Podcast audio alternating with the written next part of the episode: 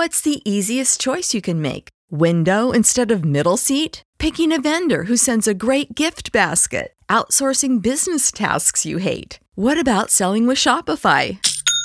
Whether you're selling a little or a lot, Shopify helps you do your thing, however you cha-ching. Shopify is the global commerce platform that helps you sell at every stage of your business. From the launch your online shop stage to the first real life store stage, all the way to the did we just hit a million orders stage? Shopify's there to help you grow. Whether you're selling scented soap or offering outdoor outfits, Shopify helps you sell. Wherever and whatever you're selling, Shopify's got you covered. Sign up for a $1 per month trial period at shopify.com slash try. Go to shopify.com slash try now to grow your business, no matter what stage you're in. Shopify.com slash try. Nərmin xanım təşəkkür edirik. Dostlar, axşamınız xeyirli olsun. Axşam saat 18:04 dəqiqəni göstərir. İctimai Radio 90 FM-dəsiz və bu gün mübahisələrdən danışacağıq. Yol polisi ilə mübahisə. Bu gün yenə də video göndəriblər. Bir e, deməli e, yol patrul xidmətinin əməkdaşı ilə sürücü mübahisə edir və hər gün belə videoları biz sosial şəbəkələrdə müxtəlif formalarda qarşımıza çıxır və şahidi oluruq. Və istəyirəm sizdən elə yol polisi ilə mübahisə edən şəxslərlə, mübahisə edən sürücülərlə bu barədə söhbət edim. Niyə mübahisə edirsiniz yol polisi ilə? Belə maraqlıdır. Niyə mübahisə edirsiniz ki? 404 11 22 zəng edirsiniz. 050 730 20 10 WhatsApp nömrəmizdir. Səsli mesajlarınızı göndərə bilərsiniz. Yol hərəkəti ilə bağlı ürəyiniz hardan istəyir sual verin, cavab verəcəm. Yeri gəlmişkən, yeri gəlmişkən, ə, Telegram kanalımızda DJ Tural Avtostop Telegram kanalımızda bu viktorinalar söhbətini bərpa elədik. Bir dənə sual vermişik. Təsəvvür edin ki, həmin suala 354 nəfər adam cavab verib və bu 354-ün 37 faizi düz cavab verib. Yerdə qalanlar səhv cavab veriblər. Çox təəssüf ki. Every day, we rise, challenging ourselves to work for what we believe in. At U.S. Border Patrol, protecting our borders is more than a job, it's a calling. Agents answer the call, working together to keep our country and communities safe. If you're ready for a new mission, join U.S. Border Patrol and go beyond. Learn more at cbp.gov/careers. Okay, round two. Name something that's not boring.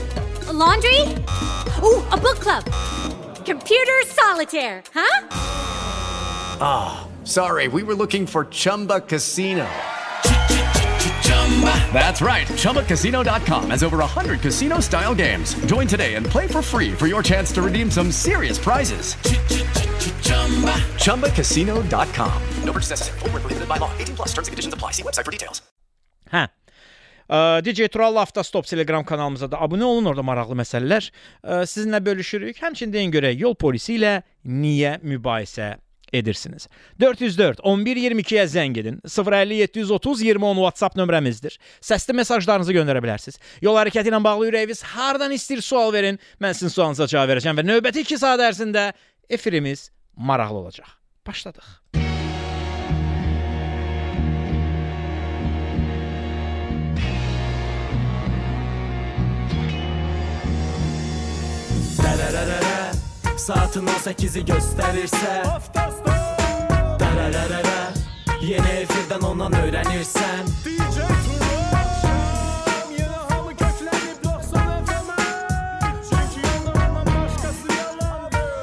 Biraz da ses ver, biraz da ses ver. Yollar, tıxaclar onun mövzusudur Bu iki tərəfli oyun ama o udur.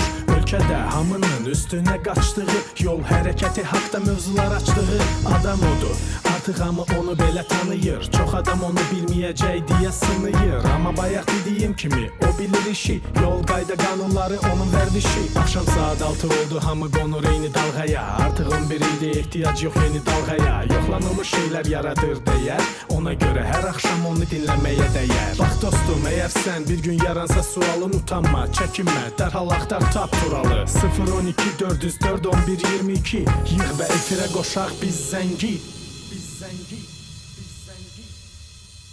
Yolda. Ver.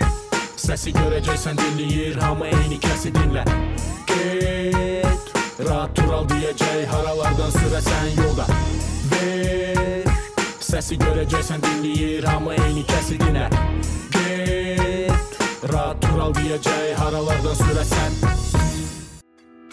Maşındakı uşaq öz kreslosunda əyləşib, nə gözəl, sizdən danışmaq lazımdır. 012 404 1122 bizə zəng edib ürəyinizi boşalda bilərsiniz. 050 730 2010 WhatsApp-dan səsli mesajlarınızı gözləyirik. Səsli mesaj göndərirsiniz, yazırsınız, fikirlərinizi bildirirsiniz. Biraz birlikdə ə, müzakirə edək. Bu arada avtostop.tv saytında ə, piyada vurulması ilə bağlı bir məqaləmiz var. Piyada vurulmasının qarşısını almaq üçün 4 əsas addım məqaləsi. Onu mütləq oxuyun.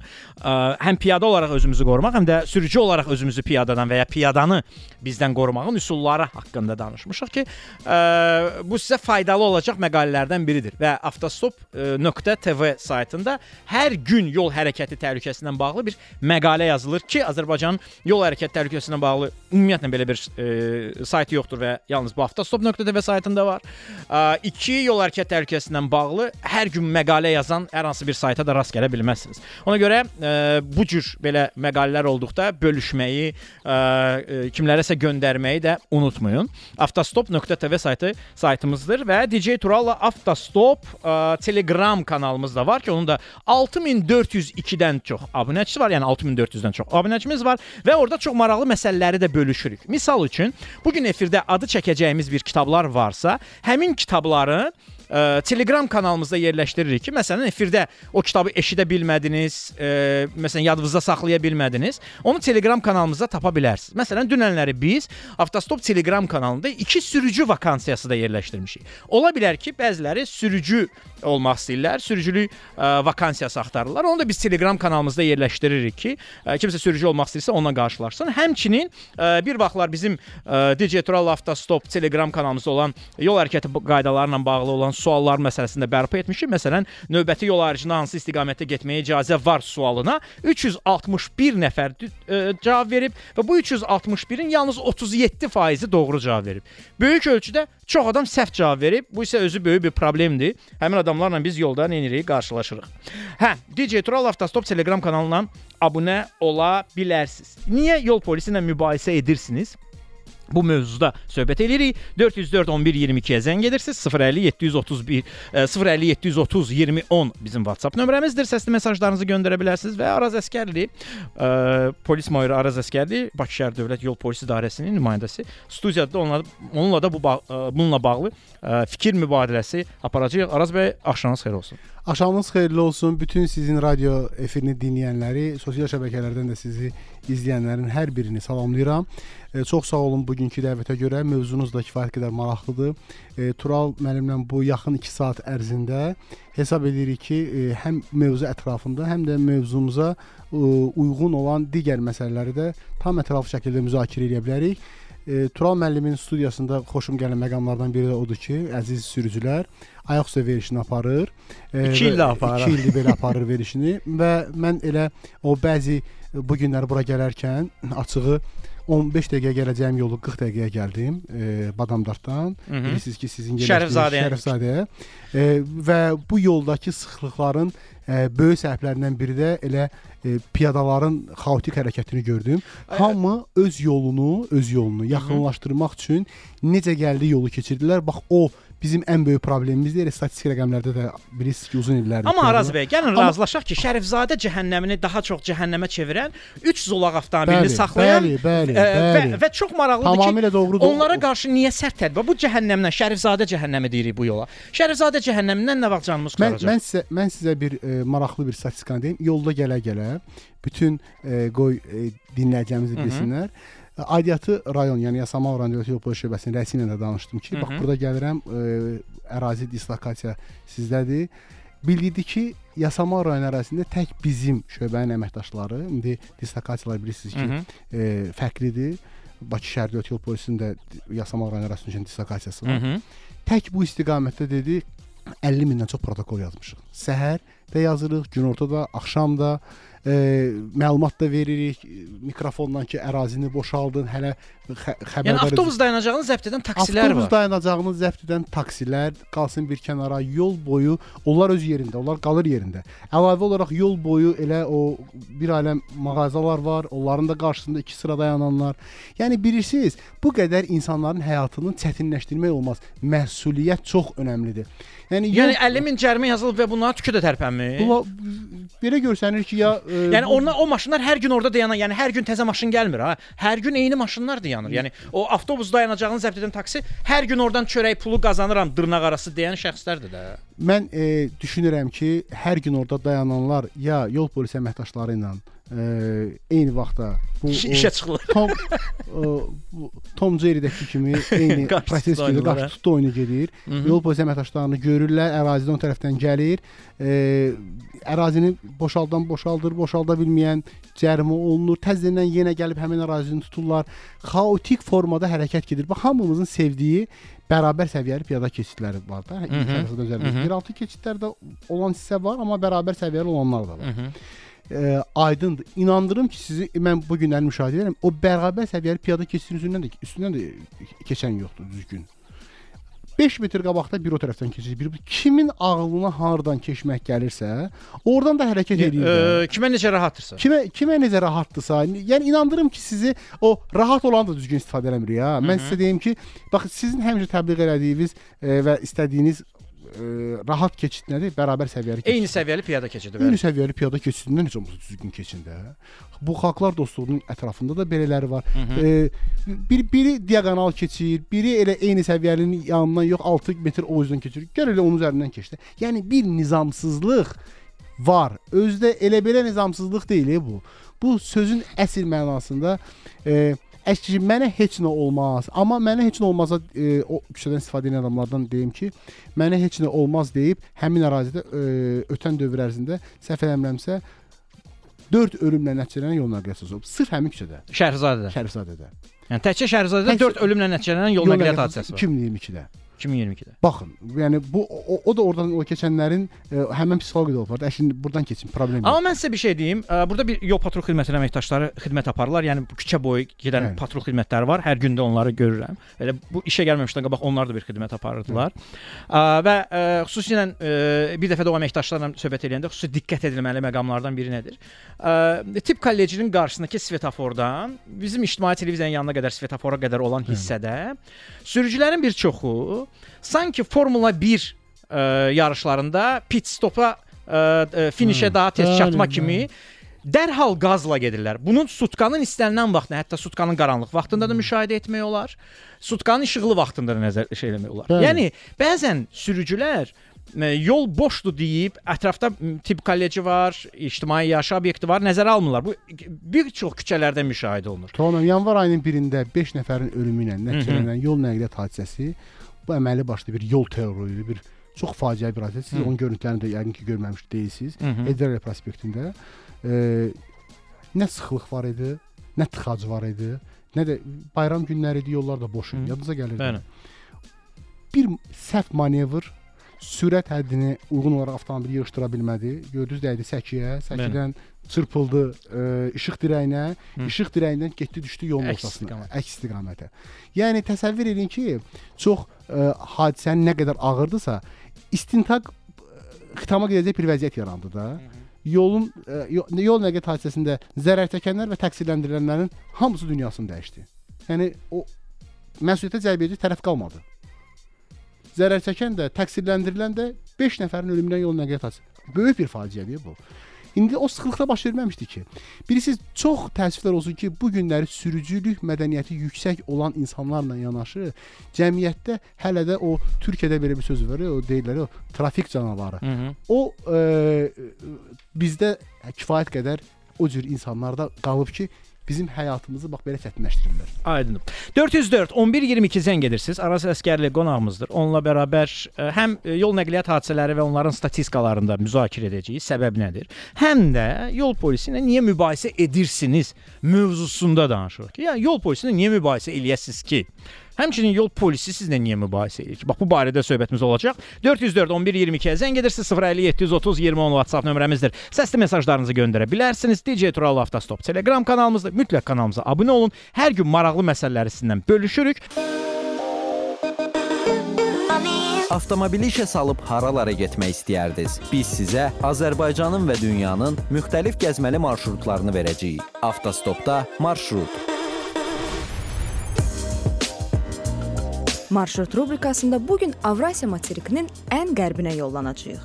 Çünki burada avtomobillə cəmi 1 saatlıq yol gedib möhtəşəm yerlər görmək mümkündür. Söhbət Portuqaliyanın paytaxtı Lissabon şəhərindən Roka burnunadək olan marşrutdan gedir. Lissabon dünyanın ən qədim şəhərlərindəndir. Onun 3200 yaşı var. Şəhərin yaxınlığındakı Vasco da Gama körpüsü isə müasir dövrün ən gözə gəlimli tikililərindəndir. 17 kilometrlik tikili Avropanın ən uzun körpülərindəndir. Lissabon yaxınlığındakı Sintra şəhəri də turistlərin sevimli məkanlarındandır. Sintra və onun ətrafı UNESCO-nun Ümumdünya irsinə daxil edilib.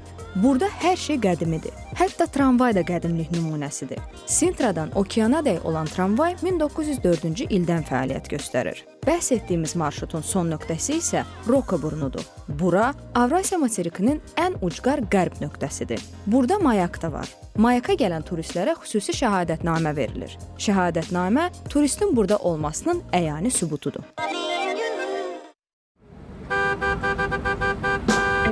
Adi bir ləngimədə siqnal vermədiyinizə görə bir savab qazandınız. Avtostop davam edir. Avtos Üzr istəyirəm. Avtostop davam edir. Mənim adım Turaldır. İctimai Radio 90 FM-i dinləyirsiniz. Yol hərəkəti ilə bağlı ürəyiniz hardan istəyir sual verin. Mən sizin sualınıza cavab verəcəm və həmçinin deyin görək. Yol polisi ilə niyə mübahisə edirsiniz?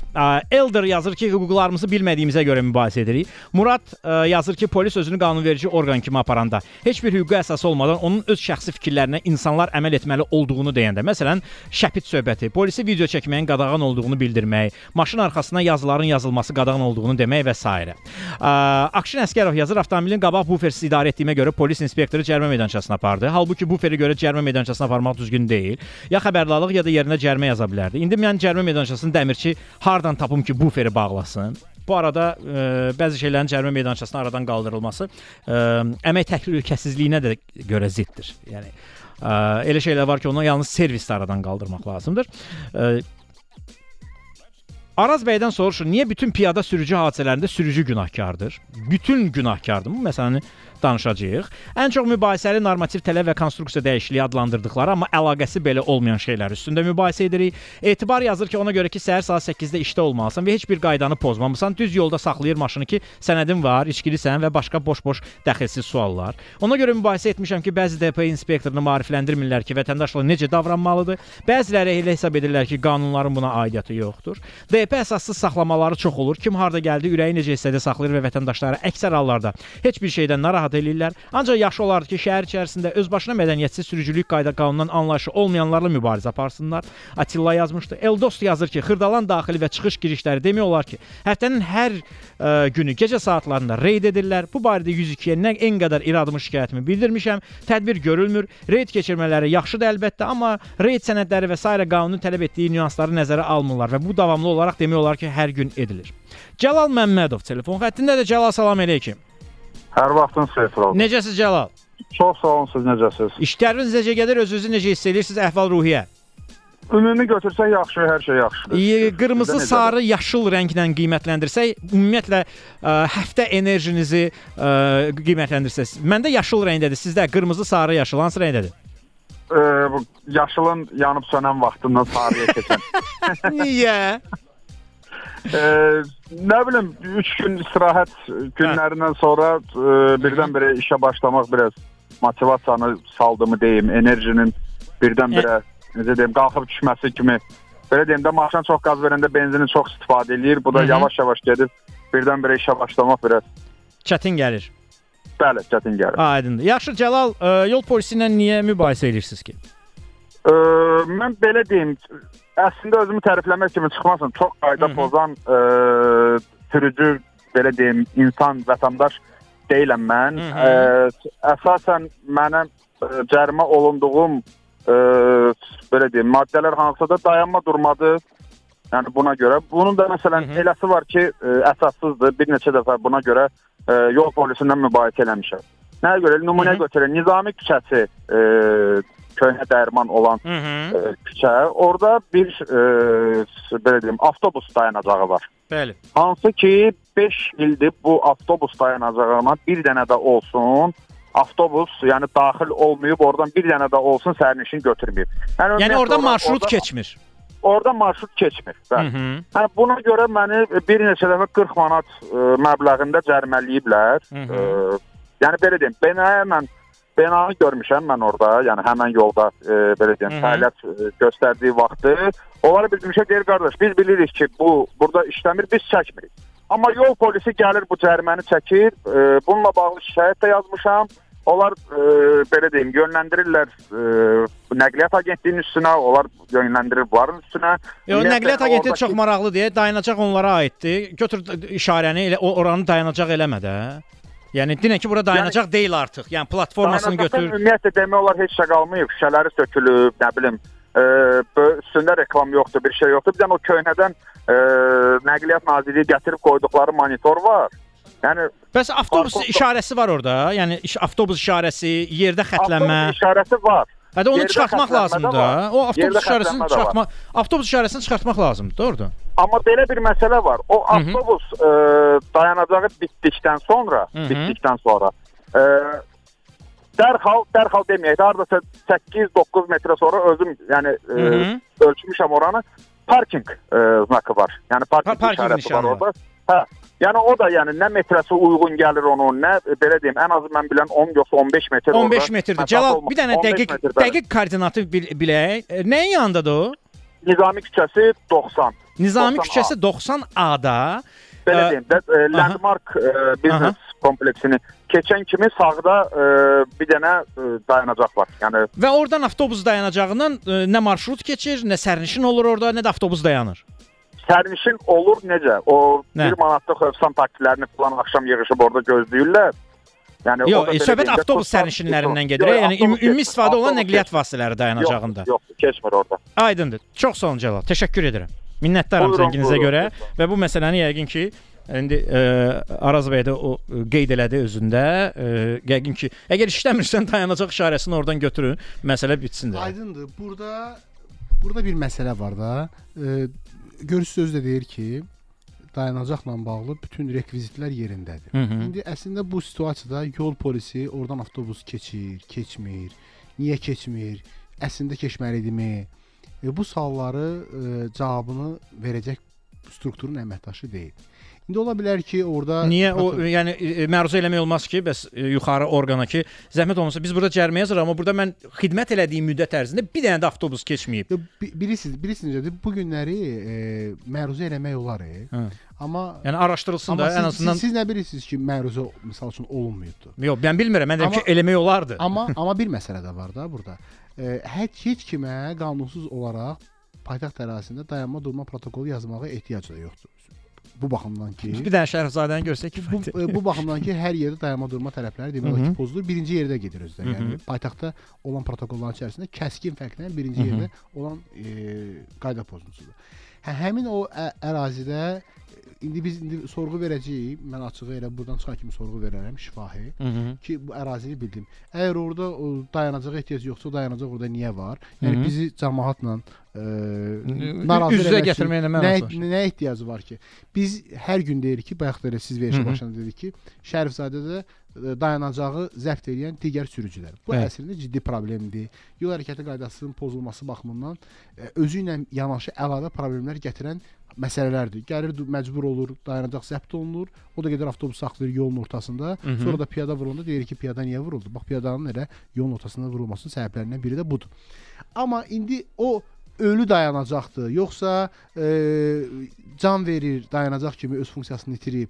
Bunların hamısını aydınlaşdırmaq olar və mən hesab edirəm ki, paytaxt ərazisində ə, o yol nişanlarını quraşdıran, dayanacaqları təmin edən həmkarlarıma da bu nöqtə ilə bağlı məlumat verəcəyik ki, getsinlər oranı baxsınlar. Lazım deyilsə nişanı oradan götürsünlər. Yeri gəlmişkən bir məsələyə toxunmaq istəyirəm. Ə, sürücü məsələsi aydındır. Yəni sürücü adətən saxlanılanda özünün daha doğru olduğunu isbat etməyə çalışır.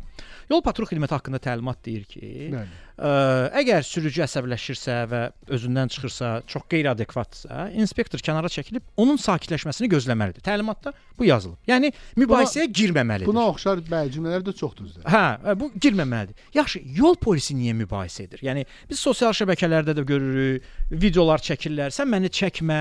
Ə, niyə ona deyir ki, məni çəkmə? Sən gəldin, protokolva yazdın, qaydalar, təlimat nə deyir? Qaydaları izah etdin. Hirslənibsə çəkirsən kənara, onun sakitləşməyini gözləyirsən. İkinci nüsxəsini verirsən, protokolu tərtib edirsən ki, hüquqlarını izah edirsən ki, bu protokolda necə şikayət etmək olar. Sənədi verirsən, oturursan avtomobilə gedirsən digər ə, With Lucky Land slots, you can get lucky just about anywhere. Dearly beloved, we are gathered here today to. Has anyone seen the bride and groom? Sorry, sorry, we're here. We were getting lucky in the limo and we lost track of time. No, Lucky Land Casino, with cash prizes that add up quicker than a guest registry. In that case, I pronounce you lucky. Play for free at LuckyLandSlots.com. Daily bonuses are waiting. No purchase necessary. Void where prohibited by law. 18 plus. Terms and conditions apply. See website for details. Hello, it is Ryan, and I was on a flight the other day playing one of my favorite social spin slot games on chumbacasino.com. I looked over the person sitting next to me, and you know what they were doing? They were also playing Chumba Casino. Coincidence? I think not. Everybody's loving having fun with it. Chumba Casino is home to hundreds of casino style games that you can play for free anytime, anywhere, even at 30,000 feet. So sign up now at chumbacasino.com to claim your free welcome bonus. That's chumbacasino.com and live the Chumba life. No purchase necessary. Group. Void prohibited by law. See terms and conditions. 18 plus. ərazi üzrə xidməti aparmağa. Çünki idealda bu cür olmalıdır. Təlimatda bu cür yazılıb ki, sən onunla mübahisəyə girmirsən, lazımdırsa daha yuxarı orqana müraciət edirsən ki, rəis mən bunu başa salmıram, Lori dinlə deyəcəm də firdəyimizə. Rəis mən bunu başa sala bilmirəm. Zəhmət olmasa gəlin Yəni artıq qeyri-adekvat hərəkət edir. Lazım gəlirsə post patrul xidmətinin əməkdaşını çağır və s. Niyə bu dialoqa girir yol polisi? Okay də bu adam özünü düz sübut eləmək istəyir. Sən də bilirsən ki, mən düzəm. Yaz protokolunu ver. Sən kamera ilə çəkir. Zaten yol patrulu Səbəbini səbəbini qısa sizə Hə, izah buyur. edeyim. Bu insan faktorudur. Bəli, Hı -hı. təlimatda hər şey göstərilib və inandırım ki, sizə bu tam səmimiyyətimlə deyirəm. E, bu məsələlərlə bağlı hər gün e, səhər və axşam təlimatları olur, bilirsiniz, yol Hı hı. Və eyni zamanda mütəmadi görüşlər olur. Ən yuxarı rəhbərlik səviyyəsində də təlimatlar, vətəndaş məmnunluğu, insanlarla düzgün rəftar etmək bu elə yol polisi əməkdaşı yoxdur ki, onun xidməti dövr ərzində yox, xidməti gün ərzində ən azı 5 dəfə eşitməsin. Mhm. Amma o mübahisə eləyən adamlar var ha. O mübahisə eləyən adamların içindən çıxıb da həmin o yol polisləri də. Mhm. Bu e, yəni Almaniyadan, İngiltərədən xüsusi təyyarəyə mindirib gəlib burada xidmətə çıxmayıblar. Bu o cəmiyyətin içərisindən çıxıb. Ümumiyyətlə bizim cəmiyyətimizdə yerli yersiz mübahisə eləməyi çox sevirlər. E, vaxt itkisidir bu. Vaxt itkisidir və e, konkret olaraq mən sizə bir söz deyim, o cür e, soyuqqanlı əməkdaşlarımızın da sayı çoxdur. Mhm. Və e, mən sizə bir şey deyim ki, bəzən özüm də o videoları izləyirəm Hı. də. E, haqlı olduğun yerdə haqsız vəziyyətdə qalır. Həmin əməkdaş da bəzən də vətəndaşın özü də. Yəni manipulyasiya gedirlər. Yəni hə? bəli, ehtiyac yoxdur. Birincisi yanaşma necə olmalıdır? Uzun illər ərzində nə necə ə, eləmişiksə pis vərdişlərimiz olub da ha, hamının cəmiyyət Hı hı. olaraq hər bir cəmiyyətin özünə məxsus müəyyən xarakterləri var. Bir əvvəla ə, dəyişmək lazımdır. Dövr o dövr deyil. Bu günlər hadisələrin sayı çoxalıb, insan ölümlərinin sayı kifayət qədərdir, xəsarətlərin, ağır faciələrin. Bunları eləməmək üçün qaydalara ciddi şəkildə riayət etmək lazımdır. İkincisi, hamı özünü, özünü ə, ağıllı kimi, çox bilən kimi e, düşünüb, yersiz sizin o sözünüzə qüvvət, yersiz mübahisələrə getməməlidir. Polis əməkdaşı da ondan tələb olunmalıdır ki, o təlimatlardakı kimi. E, düzdür, çəkildin qırağa, getdin, əsəbləri sakitləşdi, su gətirdin, verdin. E, gəlin biraz reallığı danışaq da. Polis mürəkkəb şəraitdə çevik qərar qəbul etməsi tələb olunan qurumun əməkdaşıdır. O da durub kiminsə e, kaprizləri ilə, sözün belə əsl mənasında nazı ilə oynaya bilməz. Qanuni işini görməlidir. Və çevik formada görməlidir. Amma qanuni işi bilməlidir. deyir ki, keç kənarda sakitləş də. Yəni Qanuni yox, qanuni işi odur ki, qayda pozuntusunu ilk növbədə izah elədi. Sizin o dediyiniz kimi protokolu tərtib olundu. Tərtib olunandan sonra narazılığın var, şikayətin var. Hüquqlarını izah elə getdi. Qərarsız saxladıq. Yox, e, Bakı şəhərində, Bakı şəhərində bu qədər söhbət konkret Bakıdan deyirəm. Hı hı. Bu qədər hərəkət var, onun fasiləsiz nizamını təmin etmək işi var.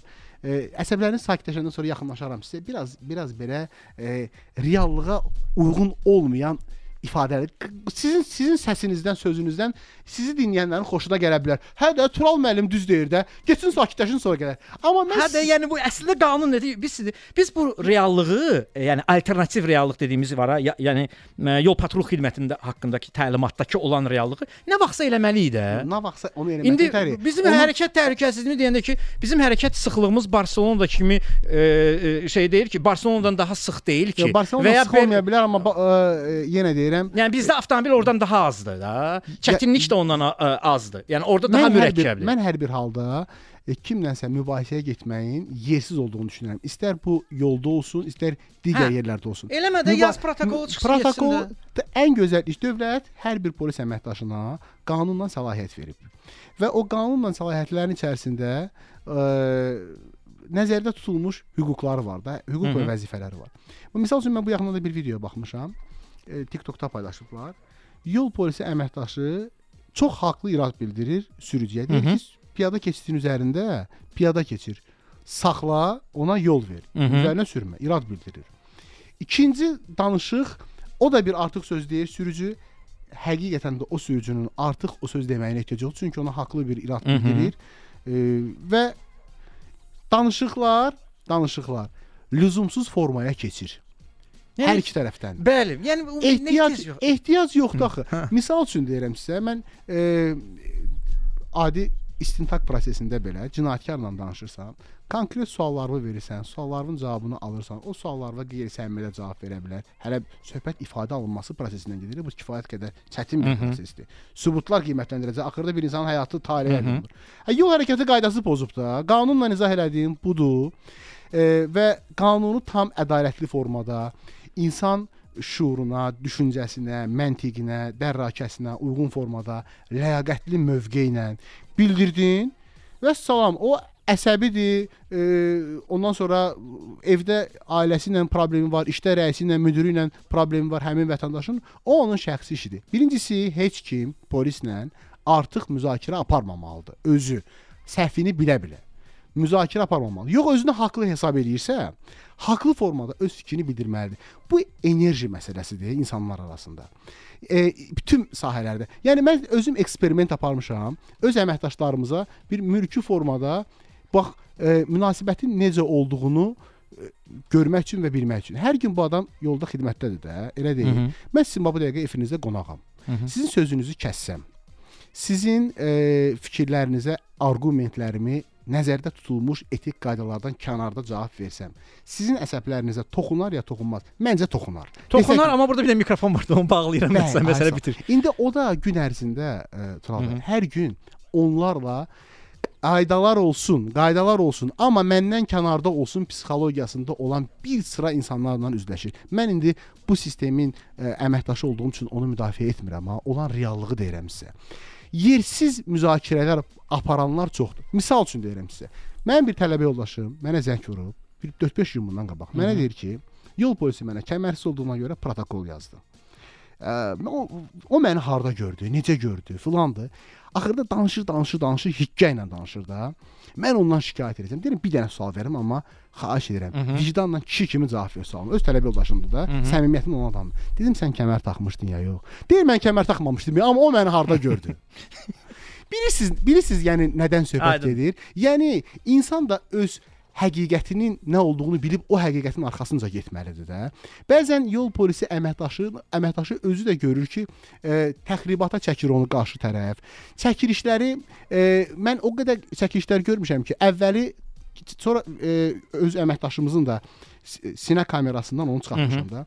Deməli çəkir sosial şəbəkədə özünü e, tərəfdaş toplamaq. Bu gün sosial şəbəkələrdə müzakirə olunan e, mövzuların gedişatını görürsüz də Tural müəllim. Bu sahənin içindəsiz. Kimə harası sərf eləyirsə, o səsini kəsir qoyur e, Kontekstdən hansı çıxararaq. kontekstdən çıxardır. Yəni hamı desin ki, a görüsü düzdür. Məsəl üçün bax bu günləri bir video yayılıb, mən onunla bağlı bir kanala müsahibə vermişəm. Onunla- Onu onunla deyəcəm bağlı da- sizə. onunla amma, amma danışarıq. çox ciddi bir məsələdir. O deyəcəm Nərgiz xanım xəttə gözləyir. Reklamlardan sonra- sonra bu məsələni yaddan salarsınız deyəcəm. Mütləq, mütləq deyəcəm. Nərgiz xanım salam eləykim. Bəli, əleyküm. Necəsiz? Təşəkkür Üzrlü bilin sizə gözlətdik xəttə. Əhval necədir? Qırmızı da sarı, yaşıl rəngdədir. Şükür, yaşıl, yaşıl. Yaşıl. deyək ki, əlbəttə. Yəni Niyə görə yaşıl? alırıq. Nəfəs sağlıq, günümüz yaxşıdır. Şükür Allah, iş güc, əl ayaq, yəni öz yerində hamısı. Şükür ki, işləyirik, nəfəs alırıq, yeyirik, içirik, gəzirik. Buna görə istənilən halda yaşıl rəngdə olmalıdır. Əlbəttə, əlbəttə. Aydın. Yaxşı, Nərgiz xanım, yol polisi ilə niyə mübahisə edirsiniz? Yol polisi ilə şükür Allaha mən hələ ki mübahisə eləmirəm. Yəni Mhm. bilmirəm nədirsə. Yəni bəlkə də şəhəri tanıyıram, yolları tanıyıram. Ən böyük bəlamız, ən böyük bəlamız ə, düzmə təlim müəlliməsi olduğuma görə şagirdlərlə müzakirə edir də bunlar. Ay müəllimə məni saxladılar. Niyə görə? Ağacın içində məlumat verici işarəni görmədim. Ağaclar kəsib və yaxud da kamera göydə görsənir e, cərməni çəkmək üçün yazmaq üçün də. Kameralar, radarlar hamısı göz qabağındadır. Amma znaklar sürücüyə lazım olan znaklar heç biri görsənmir. Yəni bunu mən deyim ki, məsəl üçün o e, hardan deyim, lider TV-yə gələndə Hı -hı. hərbi hissənin qarşısından Mhm. o kas, Hakim Abbasov. Ka- Kasvar klinikasından xəstəxanasına gələndə hərbi hissəni keçən üçün irəlidə lider soldadır. Biz də yəni daymışıq siftalar. Yəni orada e, zolaqların məlumat verici, yəni zolaqlarda məlumat verici tablo yoxdur deyənə. Orada da iki zolaqdır. Biri məcburən sola dönür, biri də düz gedir. Yəni şagird yəni bu yaxınlarda elə düşüb. Deyir müəllim, elə gedirdim solla ki, yəqin burada düz gedəcək. Sən demə ağacın içində köməkçi svetofor varmış ki, bu ancaq sola dönəcək. Sağımda bütün deyir profka yarı. Yəni maşın maşınlar artıq. Yəni seksanı görməyib, əlavə seksanı görməyib. Ha, əlavə seksin görsənmir. İnanın Baturalı, siz ora gəlsiniz. Mən nə qədər sizə videolarda çəkmişəm. Salyanski kazarmanın qarşısında da qəzalar olur. Orada Qlov ticarət mərkəzidir, sağda, aşağıda yolun ortasında. Biri sağa dönür İzmir parkına, biri Nizamiyə düşür. Yəni hələ bu qışın qış vaxtıdır, ağacların yəni belə də, yəni yarpaqsız vaxtıdır da. Mhm. Bu gün də gəlməsə şagirdlə gedirəm. İrəlidə göstərim ki, ki, canım gözüm. Çox xahişəm. Bir dənə işarələrə diqqətlə bax. Sağ artıq maşınlar, bilən maşınlar dayanır. Bu soldakı bədbəxt necə uspet eləsin, girsin ora ki, aman da mən sən demə səhv girmişəmmiş. Və həmin də svetofor əlavə seksiya sola yanır hazır. Arxamdakı da siqnalı ki, tezlə çıx yolumdan. Yəni irəlidə də qayı dayandı. Bunu nətərlə izə? Məsəl üçün, Reska qayısına gədə, gələndə, axı Xırdalan dairəsindən gəlirsən, dönürsən, elə tini dönən kimi ağ dirəkli işıq dirəyi də. Onun arxasında məlumat verici tablo. Zolaqlarda hərəkət istiqaməti. Biri sən demə sol gedir sola, girir qayıya, texnika baxsa. Mhm. Biri də düz gedəndir də. Yəni gəl bunu sən biz uje əzbər bilirik, yəni neçə ildir o əraziləri sürüydü. Buna inanın çox zülm çəkir. Bax bu işarə çatışmamazlığı. O deyilir ha qəzalar. Bax rəis də ordadır, eşidir də. Neçə dəfə yenə deyirəm, sizə də çəkmişəm, göndərmişəm də mən bu hadisələrdən də. Yəni bax mən bir dənə keçən dəfə sizə sual verdim ki, yaxşı həmişə sualı siz verirsiniz də radiodakı. Yəni bu bu biz niyə belə? Mən indi sizə bax veriliş aparırsınız və orada rəis orada. Yəni nə vaxt düzələcək bu işarələr? Aydındır. Nə vaxt bu sürücüyə tabi təslim olacaq? Yəni biz inanın falsı olmuşuq, baxıcı olmuşuq. Bax, qəza da onların ucbatından düzdür. Sürücü olaraq mən öz tərəfimdəndir ki, sürücülərdə bizdə analiz etmə qabiliyyəti yoxdur. Məsələn, yolun ortasında qabaqda gedən maşın biraz sıxılır, biraz daralır. Mən burada nə etməliyəm? Biraz səbirli olmalı, bir qəza düyməsi on, biri çəkir. Bizdə yoxdur. Gəlir o sürücü söz var, manatlıq dirənir, Mhm. dayanır arxasında. Arxada bir dənə özünü saxlaya bilməyən gəlir, yallah bir dənə sənə dəyməklə 10 dənə zəndirvarı qəza olur. Bizdə analiz eləmə yoxdur sürücülərdə. Təşəkkür Elektrikli edirəm Nərgiz xanım zənginizə görə. Minnətdaram. Yəni, Yeri gəlmişkən mən sizin o ə, sizin o nə vaxt düzələcək məsələsinə təşəkkür edirəm zənginizə görə. Elə reklamlardan qısa reklam fasiləsindən sonra Araz bəy ilə bərabər danışacağıq və Hakim Abbasov küçəsində olan o svetoforun əlavə seksiyasının görünməməsi ilə bağlı Araz bəy öz qeydini apardı. Yəni artıq bu gün 2 yerlə bağlı öz qeydini apardı ki, ə, məsələ araşdırılsın. Əgər həqiqətən görünmürsə və sürücülərə problem yaradırsa, ə, onları aradan qaldıracaqlar. Sizdən yoxdur da. Svetoforda dayananda siqnal vermirsiniz. 050 730 2010 WhatsApp-dan səsli mesajlarınızı gözləyirik. Avtostop davam edir. Mənim adım Turaldır. İctimai Radio 90 FM-i dinləyirsiniz və verilişimizə yenicə qoşulanların hər birini salamlayıram. salamlayıram. Bu arada, bu arada DJ Tural Avtostop Telegram kanalına abunə olmağı unutmayın. 6400-dən çox abunəçimiz var. Orada bir sual var. Növbəti yol aracına hansı istiqamətdə getməyə icazə var? O suala 386 nəfərdən yalnız 36%i doğru cavab verib. Yerdə qalanlar yol aracında hara getmək olar? Ə, onu bilməyiblər. Ya sözü yolda onlardan qoruyun. Heç olmasa adları ad-bad bilsəydi, ki, kimlərdir, maşınların nömrəsini bilsəydi, onlardan uzaq durardıq. Və yeri gəlmişkən, həmçinin ə, biz ə, DJ Tural Avtostop Telegram kanalında veriliş boyu adını çəkdiyimiz bir film və ya ə, kitab olacaqsa, həmin kitabları da orada yerləşdirəcəyik. Gələn səsli mesajlar var. Yol polisi ilə niyə mübahisə edirsiniz? Eşidə görək xalq nə deyir? Mən yol polisi ilə heç vaxt mübahisə eləməmişəm. Açıq heç səbəbim də olmayıb ki, nəsə bir səbəb üzündən mənə saxlasınlar, mən onunla mübahisə edeyim. Əksinə bax, sirən günləri mən bir işlə bağlı şəhərə tərəf gedib gələsi oldum, şəxsi velosipedimlə. Nə səbəbsə bilmirəm. Mərdəkan körpüsünün başlanğıcından tutmuş ta Sabunçu körpüsünə qədər bütün e, magistrala birləşən o yol birləşmələrində yol patrullar dayanıb nəyisə gözləyirdilər. Yəqin nəsə tapşırıqları bir var imiş. Ya nəsə qonaq gedəcəymiş. Ancaq üzü şəhərə, üzü Mərdəkana qaydanda yox idi. Xoşbəxtçilikdən mən yol gedə-gedə təxminən düz o buta Tapalasın yanındakı o körpü ki yoxdur. Bu Tapalasın körpüsünə qədər yol arıcılarının çoxsunda sağ olsun yol patrulu mənə kömək elədi ki, o enli e, iki zolaqlı yol ki, əsas o magistrala birləşir. Maşınların qabağını bir növ kəsən kimi nəsə belə bir əlindəki o jezillə mənə kömək elədi ki, neçəsi, neçə yol arıcıda mənə kömək elədi ki, mən velosipedlə o yol arıcını rahat keçə bilim. Sağ olsunlar. Mənim ümumiyyətlə yol patrolu ilə bu günəcən problemim olmayıb. Bu gün də mən onlardan dostam.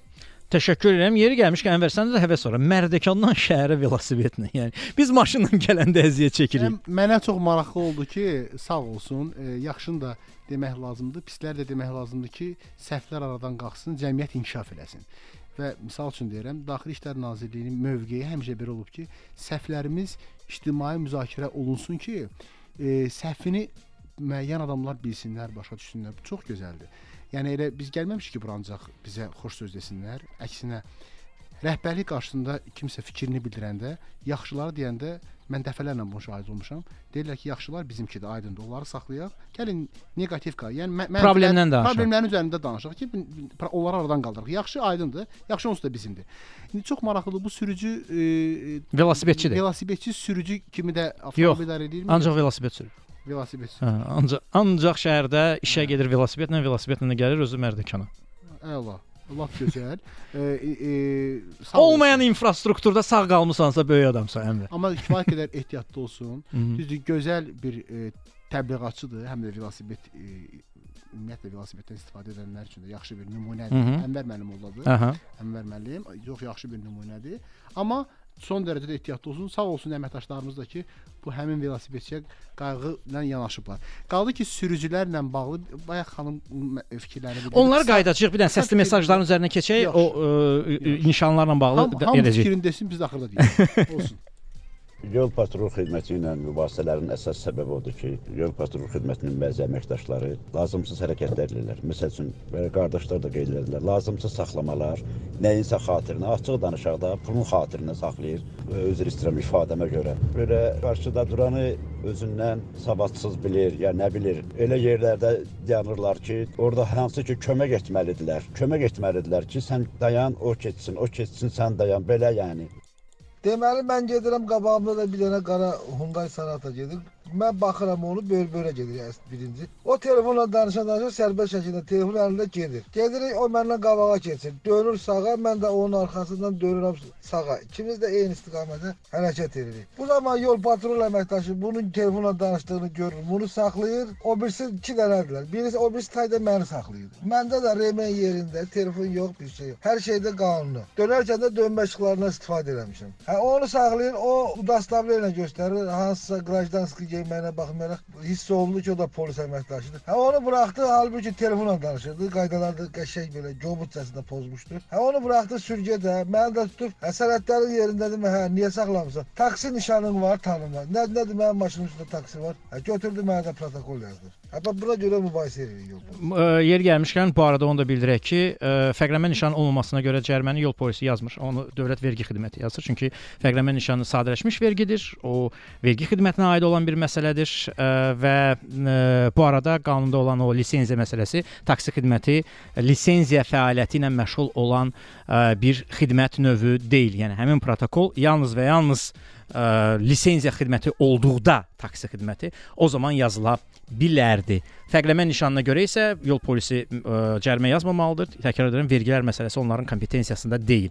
Saatlarınızı düzəldirsiniz çünki Bakı vaxtı ilə saat 7 tamamdır. Bakı vaxtı ilə saat 7 tamam. İctimai Radio 90 FM-i dinləyirsiniz. Mən DJ Tural, qonağım Araz Əskərli. Bu gün biz nədən danışırıq? Niyə yol polisi ilə mübahisə edirsiniz?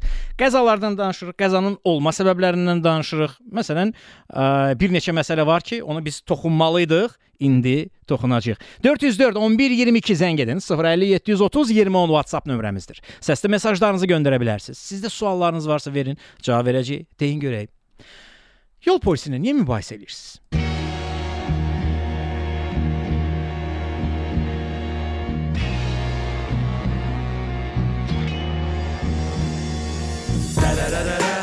Saatın 18-i göstərirsə Dərərərərə Yeni efirdən ondan öyrənirsən DJ Turan Yenə hamı köklənib 90 FM-ə Çünki yanlarından başqası yalandır Biraz da səs ver, biraz da səs ver. Yollar, tıxaclar onun mövzusudur Bu iki tərəfli oyun amma o udur. Ölkədə hamının üstünə qaçdığı Yol hərəkəti haqda mövzular açdığı Adam odur, artıq hamı onu belə tanıyır. Çox adam onu bilməyəcək deyə sınıyır. Amma bayaq dediyim kimi o bilir işi. Yol qayda qanunları onun vərdişi. Axşam saat 6 oldu hamı qonur eyni dalğaya. Artıq 11 ildir ehtiyac yox yeni dalğaya. Yoxlanılmış şeylər yaradır dəyər Ona görə hər axşam onu dinləməyə dəyər. Bax dostum, əgər sən bir gün yaransa sualın utanma, çəkinmə. Dərhal axtar tap turalı. 012 404 11 22 Yığ və efirə qoşaq Biz zəngi Yolda. Ver. Səsi görəcəksən dinləyir Hamı eyni kəsi dinlə Get Rahat tural deyəcək Haralardan sürəsən yolda. Ver. Səsi görəcəksən dinləyir Hamı eyni kəsi dinlə Get Rahat tural deyəcək Haralardan sürəsən 012 404 1122 bizə zəng edib ürəyinizi boşalda bilərsiniz. 050 730 2010 Nə sualın varsa WhatsApp-a yaz. Avtostop davam edir. Polis mayoru Araz Əskərli ilə bərabər yol polisi ilə yeni mübahisə edirsiniz və qəzalar səbəblər məsələsini müzakirə edirik. Araz bəy, bizim toxunacağımız iki məsələ var idi. Biri ə, sizə ə, bu gün bir video görmüsüz, ə, hansı bir ə, hadisə haqqında idi. Ə, o haqqda. Bir də xanım Nərgiz xanımın dediyi məsələ görünməyən nişanlar və ə, bu birinci belə müraciət deyil. Dəfələrlə belə bir şey müraciət olub ki, stop nişanı görünmür. Yol nişan, nişan çatmır. və nişan çatmır və bir tərəfə baş yol qoyublar, o biri tərəfə yol verə stop qoymayıblar. Yəqin ki, sizin efiri aidiyyatı qurumlarda dinləyirlər də. Çünki uzun 100%. illərdir ki, davam edir. Mən bir məsələni deyim də. Hər bir kəsin özünün öz üzərinə düşən səlahiyyətləri var, işləri var. Yəni e, biraz da fikrimi konkretləşdirim. Yol polisi yolda ağac budayan qurum deyil. Yol nişanlarının Yol- yol- görünməsini təmin etmək üçün olan la- müvafiq icra hakimiyyəti orqanları var. mən- Bələdiyyədir, icra hakimiyyəti və onlar Və eləməlidir. yaxud da ki, nişan çatışmamazlığını da aradan qaldırmasına bağlı ən yaxşı halda xidmətlər arasında təklif verə bilər. Ötən il ərzində Hı -hı. 3500 e, təklifin rəsmən aidiyyatı strukturlara göndərilməsi ilə bağlı həmin əlaqədar şöbənin rəisindən rəsmi sənəd aldım, baxdım. -hı. Və soruşdum ki, e, bu yaxşı göndərmisiniz də, özdə e, göndərirsiniz, sonra bir də göndərirsiniz icra Hı -hı. olunana qədər. Soruşdum, qurumların adını çəkmək istəmirəm. Hamı öz işini bilir. Və soruşdum ki, bu 3500-ün təxminən nə qədəsi məktublarla cavab verildi də. Hı -hı. Baxdım gördüm ki, e, ümumi biraz da mən şişirdib deyirəm, bir 500 dənə cavab veriblər.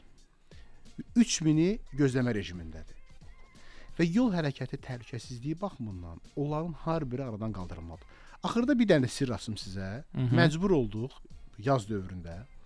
Bu o xüsusi o idarələr var da, o Hey guys, it is Ryan. I'm not sure if you know this about me, but I'm a bit of a fun fanatic when I can. I like to work, but I like fun too. It's a thing. And now the truth is out there. I can tell you about my favorite place to have fun Chumba Casino. They have hundreds of social casino style games to choose from, with new games released each week. You can play for free anytime, anywhere and each day brings a new chance to collect daily bonuses. So join me in the fun. Sign up now at ChumbaCasino.com. No purchase necessary. Group. Void were prohibited by law. See terms and conditions. 18 plus. Hello, it is Ryan, and we could all use an extra bright spot in our day, couldn't we? Just to make up for things like sitting in traffic, doing the dishes, counting your steps, you know, all the mundane stuff. That is why I'm such a big fan of Chumba Casino. Chumba Casino has all your favorite social casino style games that you can play for free anytime, anywhere with daily bonuses. That should brighten your day a little.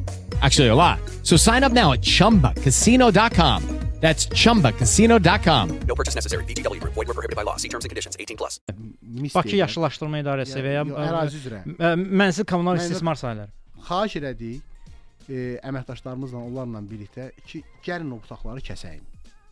Əməkdaşlarımız, oranın əməkdaşları e, xahişlə e, müəyyən adamları cəlb etməklə çünki elə iradlar var ki, mən ona haqlı olduğu yerdə ona hər, hər hansısa bir formada ə, başqa cür cavab verə bilmərəm. Buna mənim nə vicdanım yol verər, nə də ki özümün düşüncə tərzim.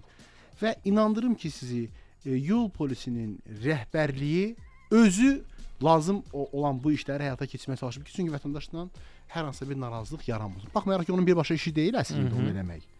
E, Ağacı da e, kəsəsi adam kəsməlidir.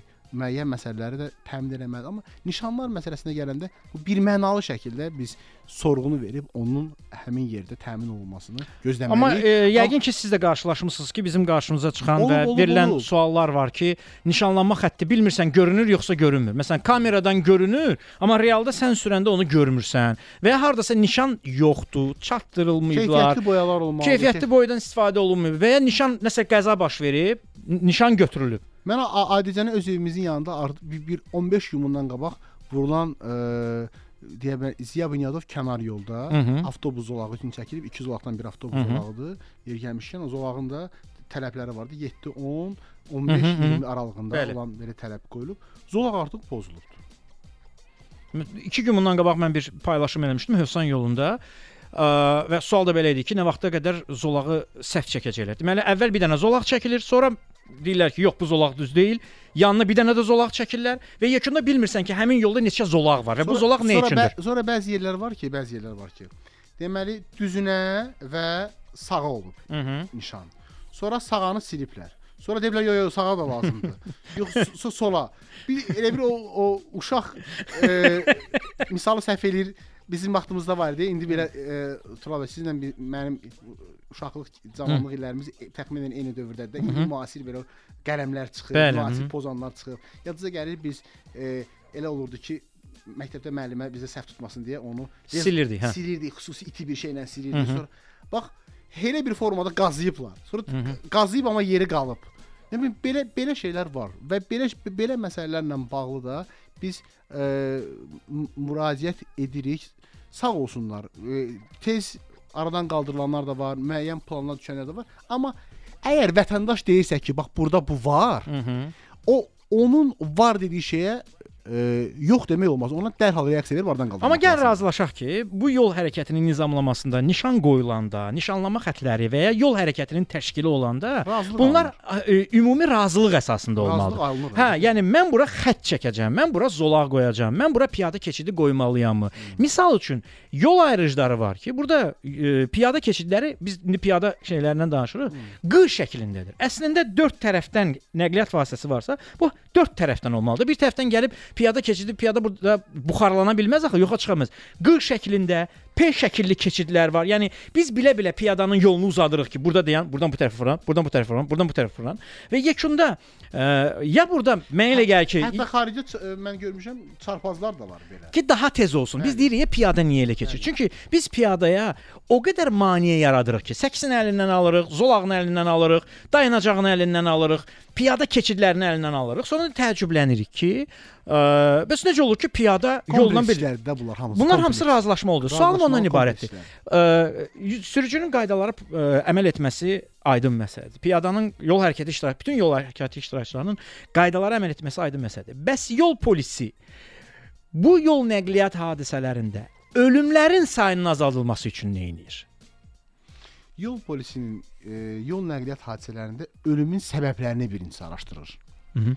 Mən sizə bir maraqlı e, əslində sizin də bildiyiniz bir məsələdir. Həmişə müzakirə edirik bunu öz aramızda olanda da.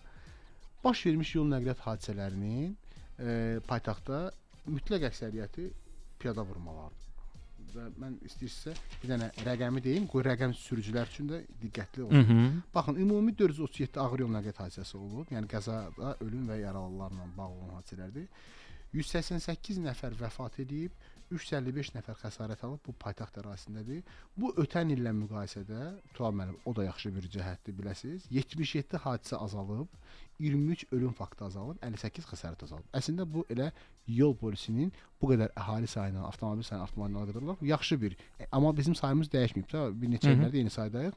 Yəni Bu, bu xidmətlə bunlar aşağı salınıbdır. Yəni e, Yəni nə edilir ki, bu bunun sayı var. azalsın? Hansı iş görülür? Yəni, yəni mümkün real yol infrastrukturunda nəzarət mexanizmi yerində yerindədir ki, bunların Hı hı. sayı azalır.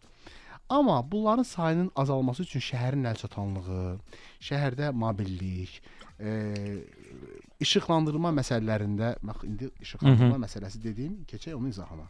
Baş vermiş yol nəqliyyat hadisələrinin 85.6% piyada vurmalardan söhbət gedir.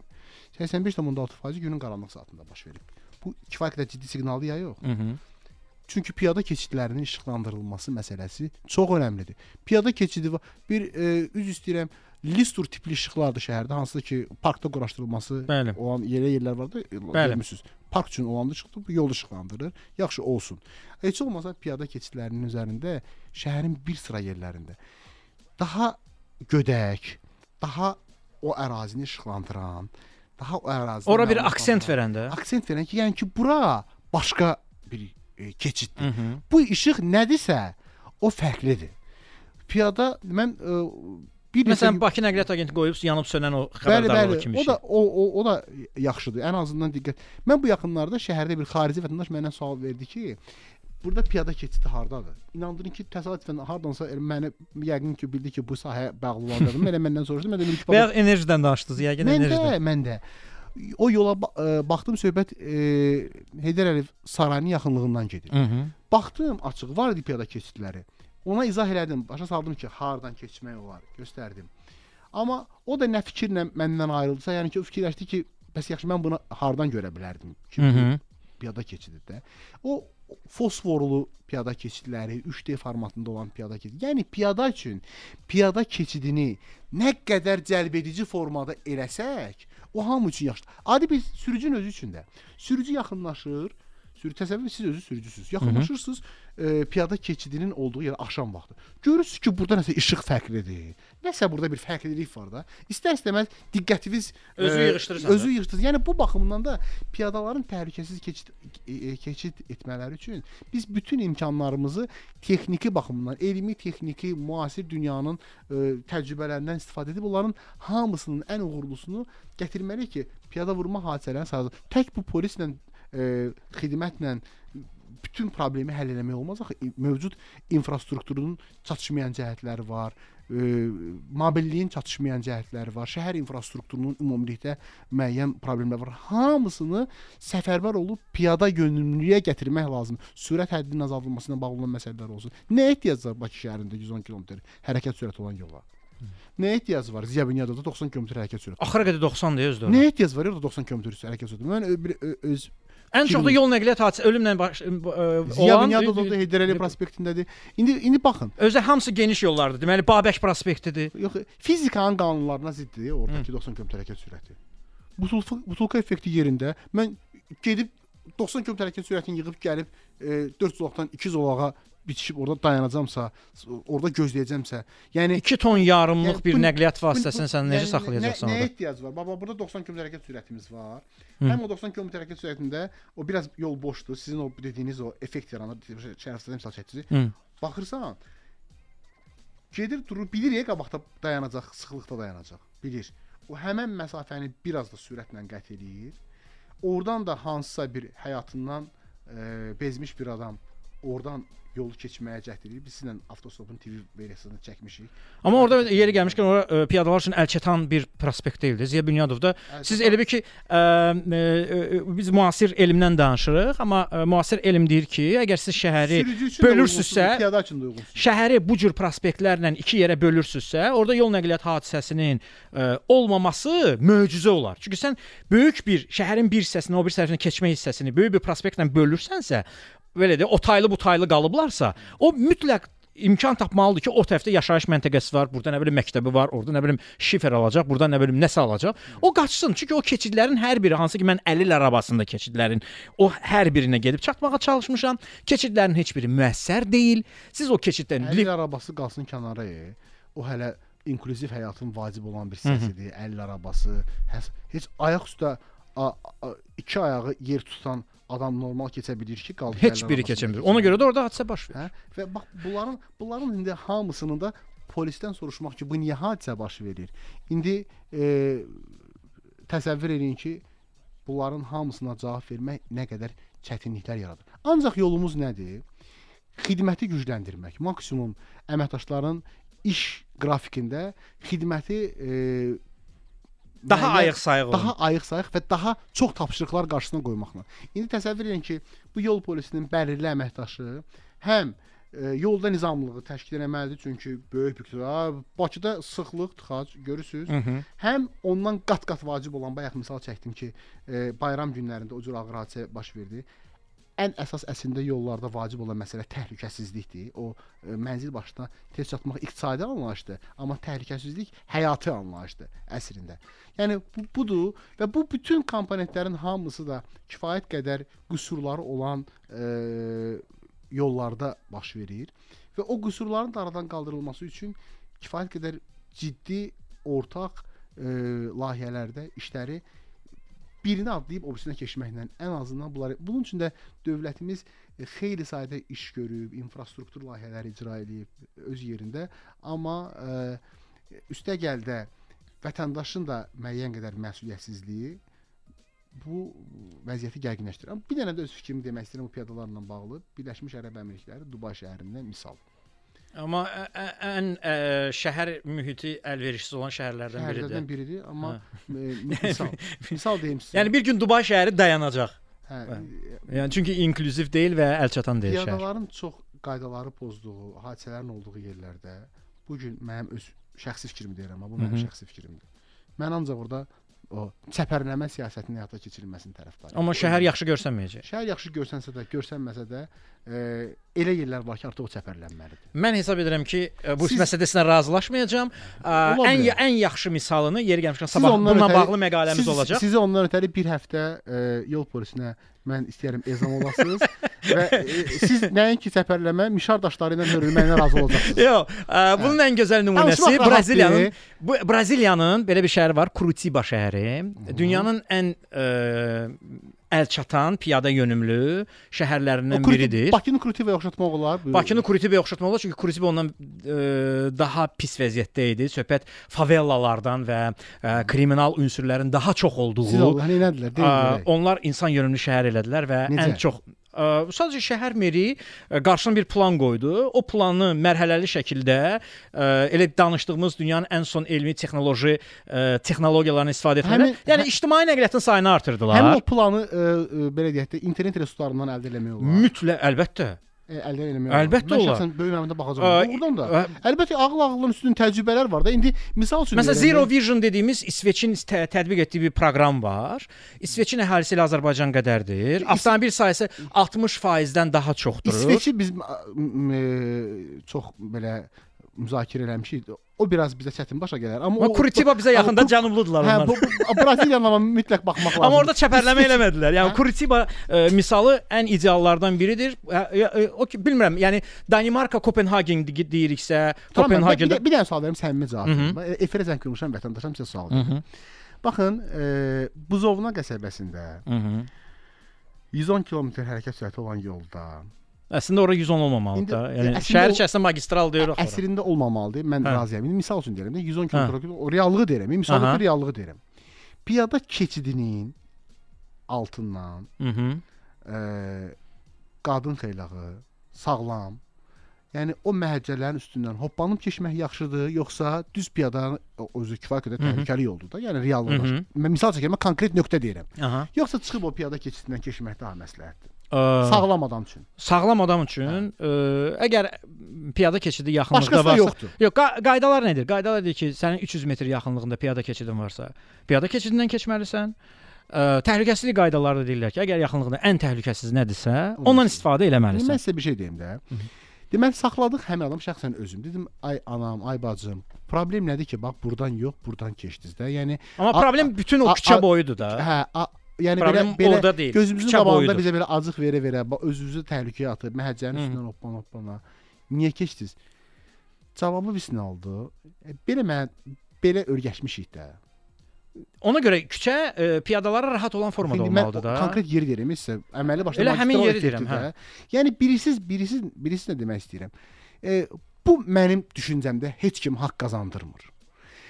Gəlin Amma onu aradan qaldırmaq da danışaq, olar. Marsdan danışaq, hardan desəz danışaq, Braziliyadan, Kuritivadan, İsveçdən danışmağa nə var, e, danışaq.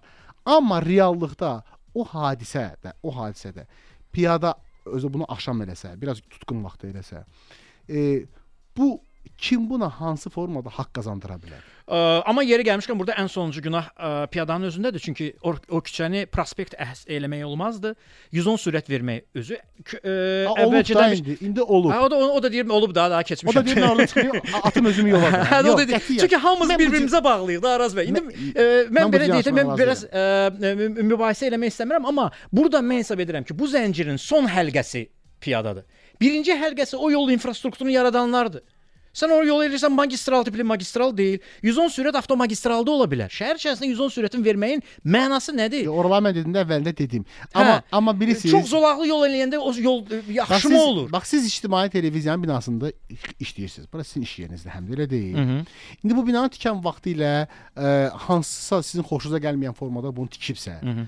bu o deməkdir ki, siz liftdən yox, pilləkəndən yox, pəncərədən hoppanmalısınız. Üçün yoxsa iplə düşməlisiniz pəncərədən.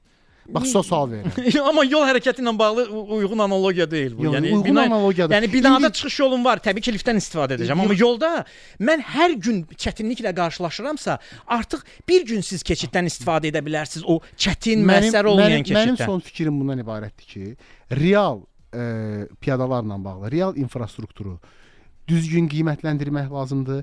Heç kimin kimsə bunu niyə belə eləyibi müzakirə eləməyi insan öz həyatı bahasına dəyişdirməməlidir. Mən razıyam. Təhlükəsizlik önəmlidir, amma orada hər gün piyada vurulursa, deməli ona məsuliyyət olan dövlət qurumu da onu aradan qaldırmalıdır.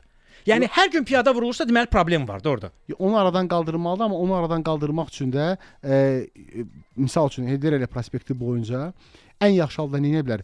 E, piyada Müəssər keçidlər- piyada keçidləri. Bax, e- yəni e, e, e, əgər söhbət yerüstü piyada keçidindən gedirsə, onlar müəssər olmalıdır. Müəssər, Müəssər yəni dediyimiz nəzərdə e, e, söhbət pilləkənlərin sayından, pilləkənin bucağından ki, orada insanların qalxması Yaxşı, rahat hər olsun. şey hər şey əladır, qalxması da rahatdır, amma adam ora qalxmasa nə Artıq burada e, Ha, e, be- be- e, bu bu zaman Elm və Təhsil Nazirliyi ilə söhbət eləməli olacağıq. Avtomobili işə salıb haralara getmək istəyərdiniz? Biz sizə Azərbaycanın və dünyanın müxtəlif gəzməli marşrutlarını verəcəyik. Avtostopda marşrut. Marşrut rubrikasında bu gün Avrasiya materikinin ən qərbinə yollanacağıq. Çünki burada avtomobillə cəmi 1 saatlıq yol gedib möhtəşəm yerlər görmək mümkündür. Söhbət Portuqaliyanın paytaxtı Lissabon şəhərindən Roka burnunadək olan marşrutdan gedir. Lissabon dünyanın ən qədim şəhərlərindəndir. Onun 3200 yaşı var. Şəhərin yaxınlığındakı Vasco da Gama körpüsü isə müasir dövrün ən gözə gəlimli tikililərindəndir. 17 kilometrlik tikili Avropanın ən uzun körpülərindəndir. Lissabon yaxınlığındakı Sintra şəhəri də turistlərin sevimli məkanlarındandır. Sintra və onun ətrafı UNESCO-nun Ümumdünya irsinə daxil edilib. Burada hər şey qədimidir. Hətta tramvay da qədimlik nümunəsidir. Sintradan okeanadək olan tramvay 1904-cü ildən fəaliyyət göstərir. Bəhs etdiyimiz marşrutun son nöqtəsi isə Roka burnudur. Bura Avrasiya materikinin ən ucqar qərb nöqtəsidir. Burada mayak da var. Mayaka gələn turistlərə xüsusi şəhadətnamə verilir. Şəhadətnamə turistin burada olmasının əyani sübutudur. 012 404 1122. Bizə zəng edib ürəyinizi boşalda bilərsiniz. 050 730 2010. Nə sualın varsa WhatsApp-a yaz. Nə sualınız varsa ünvanlaya bilərsiniz bütün suallarınızın cavabı Avtostopdadır. Yeri gəlmişkən Avtostopun Telegram kanalına abunə ola bilərsiniz. DJ Turalla Avtostop Telegram kanalında hər gün maraqlı məsələləri sizinlə bölüşürük. Bir dəfə ə, artıq ə, çoxdan da viktorinalar eləmirdik. Suallar, sual cavablar yerləşdirmişik və görün o suala siz cavab verə biləcəksiniz yoxsa yox və həmçinin ə, sürücü aktiv ə, sürücü işi axtaranlar üçün vakansiyaları da yavaş-yavaş elə DJ Tural Avtostop Telegram kanalında bölüşürük. 4 6400-dən çox abunəçimiz var. Kanalımıza abunə olmağı da unutmayın. Avtostop.tv saytında da hər gün yol hərəkət təhlükəsindən bağlı hər gün məqalə paylaşırıq. Azərbaycanda heç bir ə, saytda bu tipli hər gün yol hərəkət təhlükəsindən bağlı məqalələr olmur. Yol hərəkət təhlükəsindən bağlı məqalə olan sayt ümumiyyətlə yoxdur. Ə, bunu da nəzərinizə çatdırın. Bu gün piyada təhlükəsizliyi ilə bağlı piyadalara ə, piyada vurulmasının qarşısını almaq üçün 4 əsas addım adlı bir məqaləmiz var. Həmin məqa məqaləni də oxuya bilərsiniz. Yeri gəlmişkən ə, birinci addım qaydalara əməl etməkdir. Ən birinci addım qaydalara əməl etməkdir. Sahib ağa kişili bizə zəng eləyib, yol polisi ilə niyə mübahisə edirsiniz? Bax bu barədə söhbət edirik. Yeri gəlmiş qonağımız polis mayori Araz Əskərlidir, Bakı şəhər Dövlət Yol Polisi İdarəsinin nümayəndəsi. Onunla da bu məsələ ilə bağlı danışırıq. Arada mübahisə edirik, amma bu mübahisənin yekunda yaxşı bir şeyə gəlib çıxacaqsa niyə də yox? Sahib ağa kişili, siz ə, yol polisi ilə mübahisə edirsinizmi? Sahib salam əleykum. Salam əleykum. Necəsiz? Çox sağ olun. Siz necəsiz? Təşəkkür edirəm. Əhval-ruhiyyəniz sarıdır, qırmızıdır, yaşıldır. Yaşıldır. Niyə? E, Həftə yeni başlayıb və fikirləşək ki, keçən həftə 3 həftə sonunda 3 istirahət gününə gəldi. Aha. Yəni həftə yeni başlayıb, şükür Allah bir problem yox. İşlər qaydasında, Adətən hər şey qaydasında. ə, enerjiniz həftənin neçənci günündə artıq tükənmiş olur. Deməyin ikinci günündə. yox, e, ikinci günü yox. Aha. Beşinci günü günün ikinci yarısı artıq. Ə, bilirsiniz belədir. ki, şənbə günü var ona görə. Bəli, bəli. Qarşıda şənbə günü var, istirahət günləri Yeri gəlmişkən araşdırmalar göstərir ki, əgər insan misal üçün fikirləşirsə ki, 3 gündən sonra ə, onun istirahəti başlayır, onda bir ə, bədənində başqa proseslər getməyə başlayır, başqa hormonlar ifraz olunur və zehnən o, o ə, deməli istirahətə hazırlaşdığına görə nə işə həvəsi qalır, işdən yorğun olur. Ə, çünki fokuslanır ona. Ona görə ruslar ona çemadan nastroyeni, yəni ə, bağlama əhval-ruhiyyəsi deyirlər. Ə, ona görə o barədə fikirləşmək lazımdır ki, "A, sabah istirahətdir." Çünki özünüzü ə, yormuş olacaqsınız və hər zaman müdafiə etdiyim bir məsələ var. 4 saatlıq iş günü ə, aparılmış elmi araşdırmalar deyirlər ki, insan 4 saatdan artıq işləməli deyil. 4-cü saatdan sonra o yorulur. Çünki insan övladı ibtidai insandan bu yana nə edib? Əkinini eləyib, biçinini eləyib gedib oturub evində. Yəni 4 saatdan artıq işləməyib. Genetik olaraq bu belədir. 4 saatdan otur, ə, 8 saatlıq iş günü insana yad olan bir prosesdir və bədənini ona məcbur eləyəndə insan yorğun olur. 4 saatı effektiv işlədisə, onun əlavə 4 saat orada saxlamağın mənası yoxdur. Məsələn, İspanlar buna Hello, it is Ryan, and we could all use an extra bright spot in our day, couldn't we? Just to make up for things like sitting in traffic, doing the dishes, counting your steps, you know, all the mundane stuff. That is why I'm such a big fan of Chumba Casino. Chumba Casino has all your favorite social casino style games that you can play for free anytime, anywhere with daily bonuses. That should brighten your day a little. Actually, a lot. So sign up now at chumbacasino.com. That's chumbacasino.com. No purchase necessary. VGW Group. Void were prohibited by law. See terms and conditions. 18 plus. Lucky Land Casino asking people what's the weirdest place you've gotten lucky? Lucky? In line at the deli, I guess? Aha, in my dentist's office. More than once, actually. Do I have to say? Yes, you do. In the car before my kids' PTA meeting. Really? Yes. Excuse me, what's the weirdest place you've gotten lucky? I never win and tell. Well, there you have it. You can get lucky anywhere playing at LuckyLandSlots.com. Play for free right now. Are you feeling lucky? No purchase necessary. Void where prohibited by law. 18 plus. Terms and conditions apply. See website for details. istədiklər də səhv eləmirəmsə. Günorta yeməyindən sonra da hətta işçiyə yatmağa da icazə verirlər ki, get yat da onsuz da yuxulusan. Yemək yeyəndə adamı yuxu basır. Sahib yol polisi ilə mübahisə edirsiniz? E, ümumiyyətlə çalışıram yol polisindən mübahisə eləməyim. Yəni ümumiyyətlə Alınır, çalışıram deyəndə. Bəli. Bəli, alınır. Yəni Hı hı. qayda pozmamağa çalışıram. Yəni qayda nəticə onunla hərəkət edirəm. Sadəcə bu mövzuya niyə mən zəng elədim? Mən Hı e, bir məsələ var. Mən bundan e, konkret mübarizə aparıram. E, Bakı dairəvi yolundan Üzülük batandan Badamdar istiqamətinə gedəndə hansı ki biz Badamdara getmək üçün e, sağ zolaqla gedib belə bir sağa işıq yandırıb və sağa çıxmalıyıq və geri dönüş Hı hı. etməliyik. Tam hı. sağa çıxanda E, orada e, Badamdar istiqamətindən fərz edin dairəvi e, istiqamətin gələndə düz xətt qoyulub və bəzi taksi sürücüləri və ümumiyyətlə yol tanımayanlar düz xətti keçir sola, soldan dönməyə çalışır. Və yol polis əməkdaşları bunu qeyri e, belə deyim də gizli xidmət apararaq bu sürücüləri cəzalandırır və bunun üçün də biz e, Lövhbatandan Badamdara gedəndə Bakı dairəsindən sağa dönəndə e, sarı xətt var. Maşını geridə, yəni oradan e, Badamdardan gələnlər görməsin deyə geridə saxlayırlar və qayda pozurlar. Yəni siz Bakı dairəsindən gedəndə məsəl üçün 100 gedirsinizsə, e, sağa çıxanda artıq sürət salırsınız 80-ə, 70-ə Mhm. və artıq yol polisi əməkdaşı elə dayanır ki, siz məcbursunuz sola sağ əyilib keçməyə.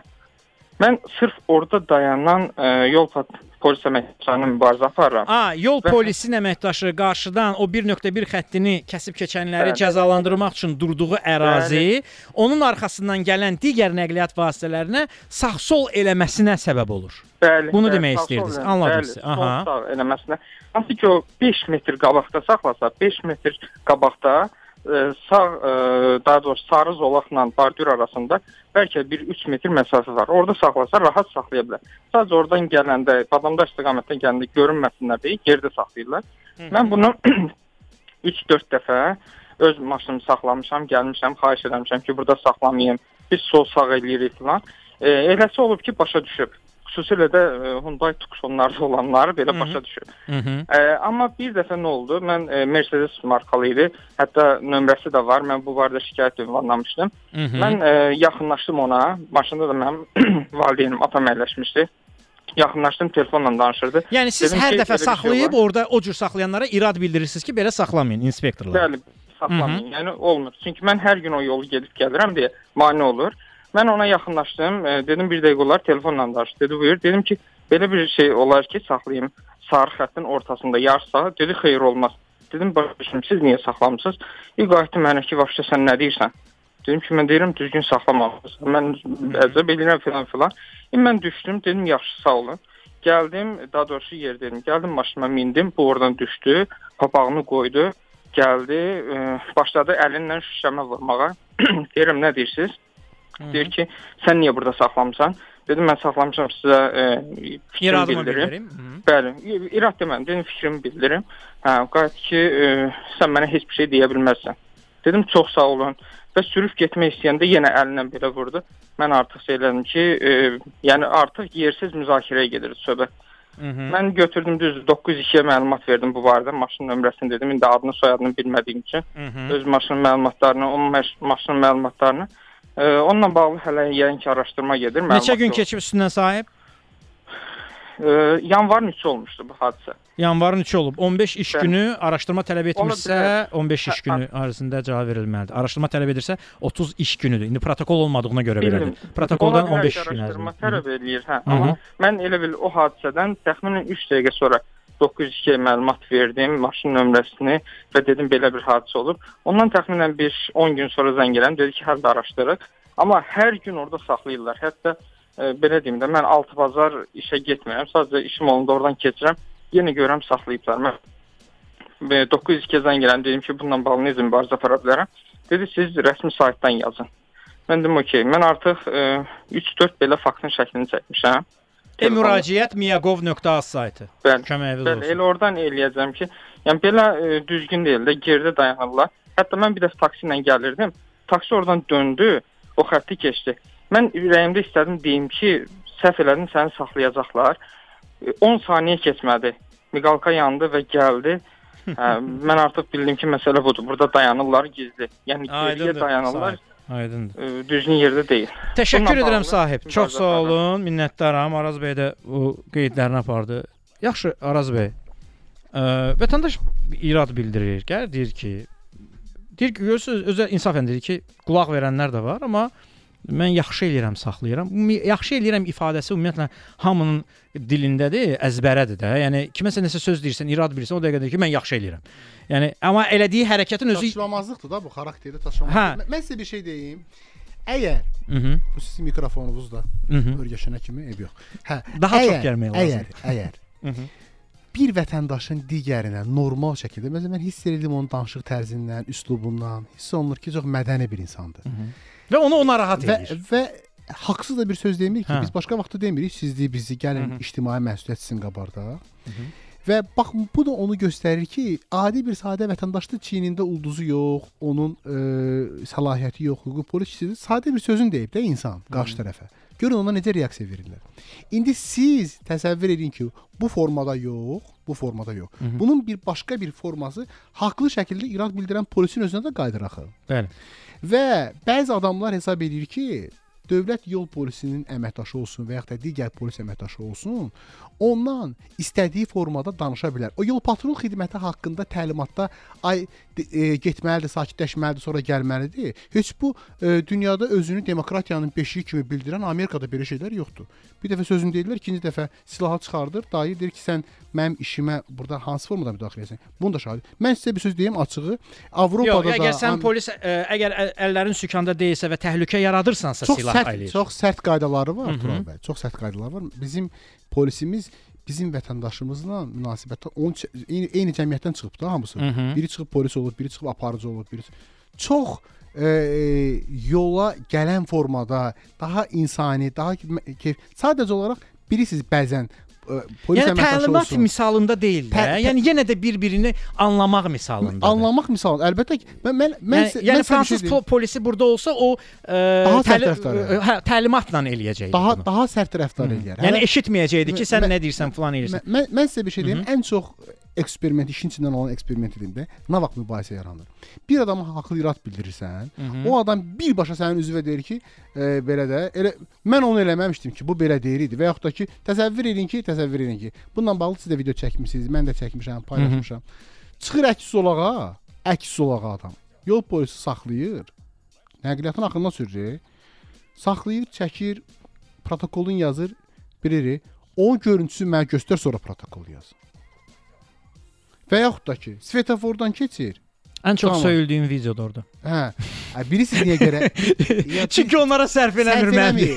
Kiməsə bax bu günləri mən bir sadə 1 milyona yaxın baxışı var, Bu- ən çox söyüldüyüm yerdir. bu günləri mən sadə bir video çəkmişəm. Sizə göstərdim də. Hə. Boş bir şeydir o. Yol hərəkəti haqqında qaydalar qanunların içərisində 99-cu yox ha. 100 də yox. 100-dən sonra əgər Təhlükəsizliklə rəqəm əlavə bağlı eləsən, o qədər də önəmi yoxdur. Ən axırıncı bir ona bir nə qədər ə, baxış və münasibət Hı hı. bildirən olub. Çox təəssüflər olsun ki, cəmiyyətimizdə ən vacib prioritet məsələlər qalıb kənarda. Dərdi odur da. Hə, o biz artıq qayıtdıq əsrin əvvəllərinə Molla Nəsrəddinə. Yaxşısı budur ki, onu ayrı bir verişdə Molla Nəsrəddin qoyarsınız verişin adını elə bu cür. E, onu bir başqa formada daha Yəni Araz bəy e, yol hərəkəti təhlükəsizliyi bizim dərdimiz deyil. Düzdür? Düz dərdimiz- başa düşdüm də. Bu Yəni günləri- dərdimiz deyil. Misal üçün piyada keçidlərinin müəssər olması dərdimiz deyil. Hövsan yolunda piyada keçidi var. Bəli. Reklam fasiləsi zamanı Bəli, bu barədə danışdım. E, indi sabahlar onu çəkəcəm. Siz piyada keçidinin pilləkəninə çıxmaq üçün pilləkənlə düşməlisiniz. Bax ki, sonra çıxmalısınız. Bax deyirsiniz ki, bu qədər məqalə yazmışam, hazırlamışam da, elə hı. Bax indi Braziliyanın hansı şəhərdə? Curitiba. Curitiba ilə müqayisə aparacaqsınız. Əslində qalanda siz mühəndis deyilsiniz. Yox. Əslində qalanda siz e, siz siz əslində qalanda mühəndis də deyilsiniz və e, bu işlərin pe peşəkarı Xeyr. adam siz peşəkar aparıcısınız da özünüzə bunu deyə bilərsiniz. Mən yol nəqliyyat eksperti deyiləm. Ekspert. İndi mən sizə bir şey deyim. Amma əgər çəkmisiniz bu müqayisəni, analogiyanı aparmısınız, öyrənmisiniz. Yaxşıdır da. Həm dediyim, həm də bir analogiyanı göstərdim. Eee belə bir bir müraciət olubmu ki sizə ki, Turan bəy, oradakı falan şeylə bağlı məsələn ikinci bir zəng gəlir bir aidiyyəti bir mühəndislərdən, falanlardan bu işlə məşğul olmaq gəlib. Yox. Mən inanmıram kəsin. Yox. İndi bizim bu cür elmi müəssisələrimiz var da, elə deyil? Hı. Var. Qardaş gedin müəssisələr tikin də, əlinizdən alan var. Siz müəssisələr tikdiniz. Mən də oturmuşam burada Turalın e, yol polisinə aid olmayan dərdlərini, problemlərini müzakirə etmək məcburiyyətindəyəm. Gedin mu- müəssisələr tikin. Biz də elə içi mən qarşılıq, Tural qarşılıq müəssisələr Əslində tikək. sizin üçün daha rahatdır müəssər Əl- olmaq, çünki yol nəqliyyat hadisəsini Əslində- bilavasitə təsir eləyir Mən sizə bir şey deyim. Mən sizə bir şey deyim. Bizim işimizin rahat olması üçün bu problemlər ki var, bizə aid olmayan problemlər danışırıq. Ağacdan, butaqdan, nişandan danışırıq və yaxud da müəssər keçiddən, müəssər olmayan keçiddən, bərabər səviyyəli. Bunların hamısı hamısı yaxşı olsun. Mən gəlmişəm studiyanıza, qonaq çağırmısınız. Elə deyil, yaxşı işıqlı studiya tikmisiniz. Sağ olun, boğazımı yaşlamaq üçün gətirdiniz, su verdiniz. Hə, sağ olun da. Elədiniz bunu. Mən də sizdən yerdən göyə qədər razı.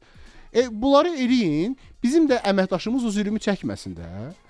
Niyə niyə bizim bir əməkdaşımız piyadanın çox vurulduğu ərazidə dayanıb e, fiziki baxımından bizə ən çox o, hadisənin olduğu yerlərdən biri e, Tural müəllim.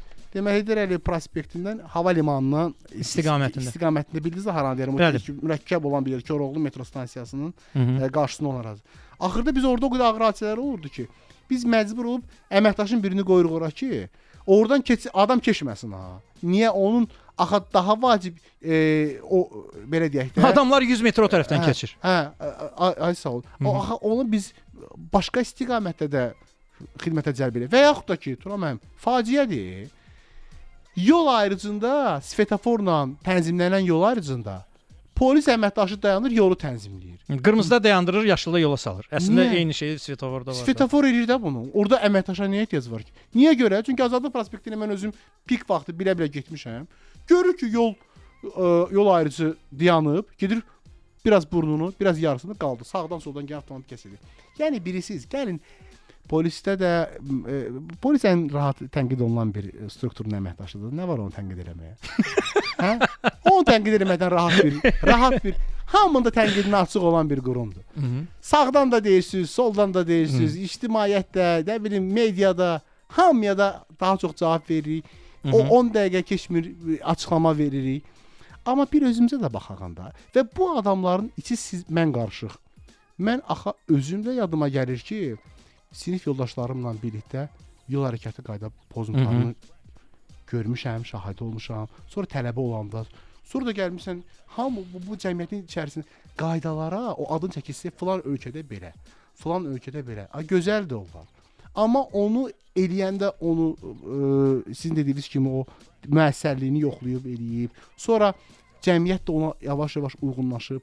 İndi biz böyük bir əziyyətin hesabına ötən illə müqayisədə hadisələri ə, 77 piyada vurma hadisəsini, ö- 23 Mhm. ölümü, 58 özü bu qədər gərginliyin içərisində əziyyətlə amma bir cəmiyyətdə bizə dəstək olmalıdır.